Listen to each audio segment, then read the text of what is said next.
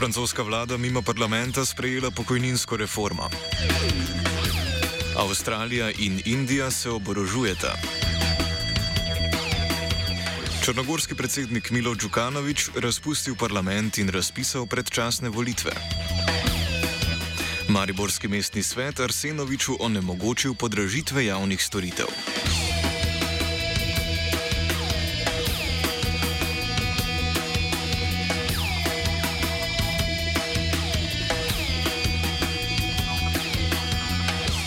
Dobar dan, Radio Student poslušate poročila. Črnogorski predsednik Milo Djukanovič je pred nedeljskimi predsedniškimi volitvami za 11. juni razpisal predčasne parlamentarne volitve. Predtem je Djukanovič razpustil parlament. Kot je dejal Djukanovič, mu razpustitev parlamenta omogoča 92. člen ustave. V utemeljitvi se je sklical na to, da je avgusta vladi Dritana Abazoviča v parlamentu bila izglasovana nezaupnica, vse od tedaj pa niso oblikovali nove vlade. Poskus Poskus imenovanja Miodraga Lekiča za novega premijeja je namreč kljub temu, da je parlamentarna koalicija za voljo njegovega imenovanja spremenila zakon o predsedniku republike, spodletel. Abazovič je tako, vsaj na papirju, vodil tehnično vlado. 41 poslancev Abazovičeve koalicije je na ustavno sodišče že uložilo predlog za presojo o ustavnosti razpustitve parlamenta. Od sodišča zahtevajo naj zadrži Djukanovičevo odločitev, vsaj dokler ne bo izvoljen nov predsednik republike. Ne glede na to, ali bo razpustitev parlamenta prestala ustavno presojo, Črnogorce to nedeljo čakajo predsedniške volitve. Politično sliko pred njimi opiše novinar podgoriškega radia Krš Matija Miljanič. Uglavnom je prognoza neka da će Milo Đukanović i Andrija Mandić ući u drugom krugu. Međutim, teško je garantovati što se tiče ovih ostalih kandidata koji nisu Milo Đukanović. Dakle, tu je velika trka između Andrija Mandića i Jakova Milatovića. A, za to neko drugo mjesto, a u drugom krugu je teške su prognoze neke prepostaviti kako će se ovaj prelomiti jer moguće je da ovi rezignirani glasači koji su glasali za Jakova Milatovića ili neke druge ljude neće glasati za Andriju Mandića. V Francijo. Francoska vlada je brez glasovanja v spodnjem domu parlamenta sprejela pokojninsko reformo, ki med drugim vključuje dvig upokojitvene starosti z 62 na 64 let. Reformo je predtem potrdil senat, kjer imajo večino konzervativci na čelu z republikanci, ki podpirajo dvig upokojitvene starosti. Ker pa vlada predsednika Emanuela Makrona ni mogla računati na večino v narodni skupščini, je pred glasovanjem uporabila ustavni instrument instrument, ki omogoča sprejetje zakona mimo parlamenta. Pokojninski reformi nasprotujejo v opoziciji in v sindikatih, ki obsojajo samovoljno ravnanje vlade. V komunistični stranki in desnem nacionalnem zboru so napovedali tudi glasovanje o nezaupnici proti vladi. V nasprotovanje sprejetju pokojninski reformi, ki podaljšuje obdobje vlaganja v pokojninsko blagajno potrebno za polno pokojnino, so se na ulice po celotni Franciji zgrnili protestniki.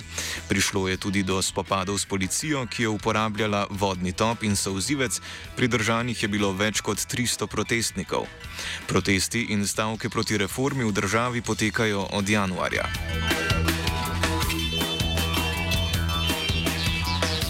Britanska vlada je z zdravstvenimi sindikati dosegla dogovor o dvigu plač.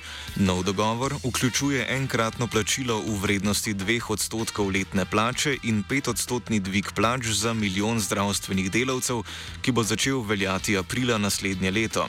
Iz dogovora so izuzeti specializanti, zdravniki in zobozdravniki.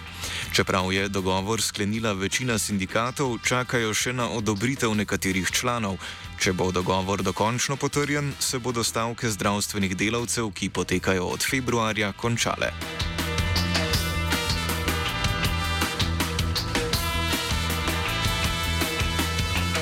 Italijanska vlada je sprejela zakon, ki zmanjšuje davek na dohodnino in davek od dohodkov pravnih oseb.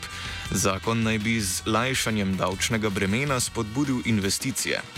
Davek od dohodkov pravnih oseb bo za male podjetnike ponovem znašal 15 na mesto 24 odstotkov.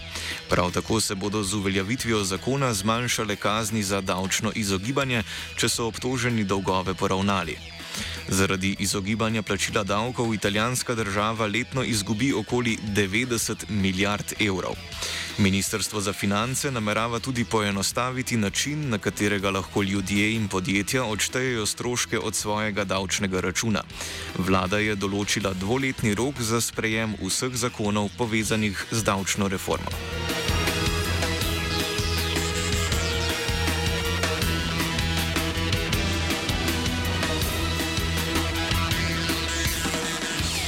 Indijski svet za obrambne nabave je potrdil nakup vojaške opreme od domačih proizvajalcev v vrednosti 8 milijard evrov. Večina sredstev je namenjena širjanju mornarice, nabavi protiladijskih raket in večnamenskih plovil. Nove investicije v Indiji utemeljujejo z večjo prisotnostjo kitajskih plovil v Indijskem oceanu. Poleg tega bo država kupila tudi supersonične rakete Brahmos, tanke in ostala vojaška vozila, ugrajene topovske sisteme in nadzorne sisteme. V zadnjih dveh letih je Indija od lokalnih dobaviteljev že kupila orožje v vrednosti 8 milijard evrov, s čimer si premijer Narendra Modi prizadeva okrepiti domačo vojaško industrijo.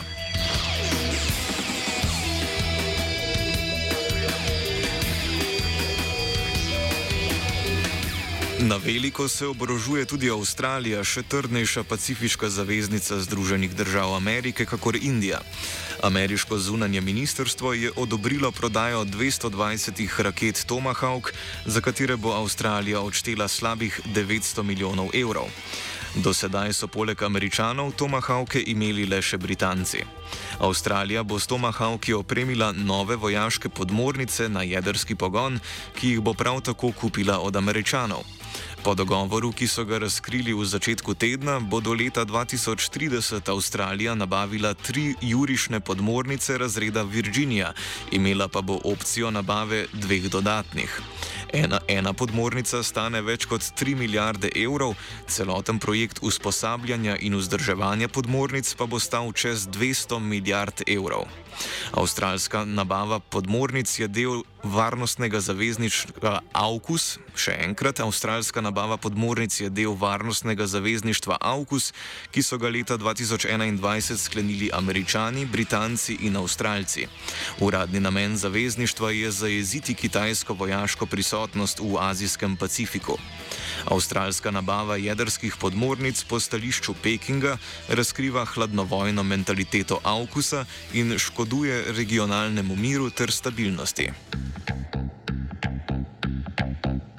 Smo se osamosvojili, nismo se pa osvobodili.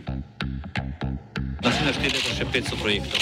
Izpiljene modele, kako so se strani nekdanje LDS rotirali. Ko to dvoje zmešamo v pravilno zmes, dobimo zgodbo o uspehu. Takemu političnemu razvoju se reče udar. Jaz to vem, da je nezakonito, ampak kaj nam pa ostane? Brutalni obračun s politično korupcijo.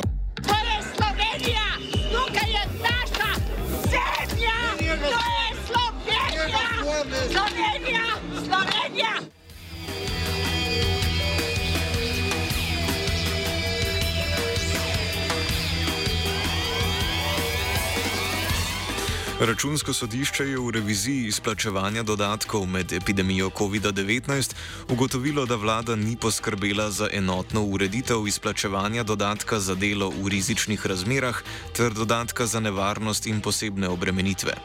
Prav tako Janševa vlada ni preverila, ali ministerstva svoje naloge v zvezi z izplačevanjem dodatkov izvršujejo usklajeno. Zato nista bili zagotovljeni enotnost in primerljivost izplačil dodatkov med zaposlenimi pri različnih proračunskih porabnikih na primerljivih delovnih mestih.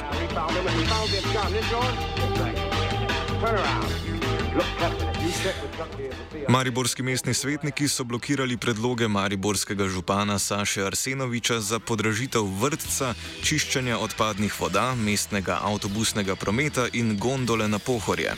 Svetnikom Gibanja Svoboda, liste Franca Kanglerja, liste za pravičen razvoj mestnih četrti in krajevnih skupnosti ter stranke mladih je namreč uspelo izglasovati, da odločanja o podražitvah niti ni bilo na dnevnem redu seje. Lokalne odločevalce je Arsenovič pred sejo skušal prepričati s tem, da bi imeli kljub podražitvi gondole na pohorje prebivalci Maribora 30-odstotni popust na vožnjo.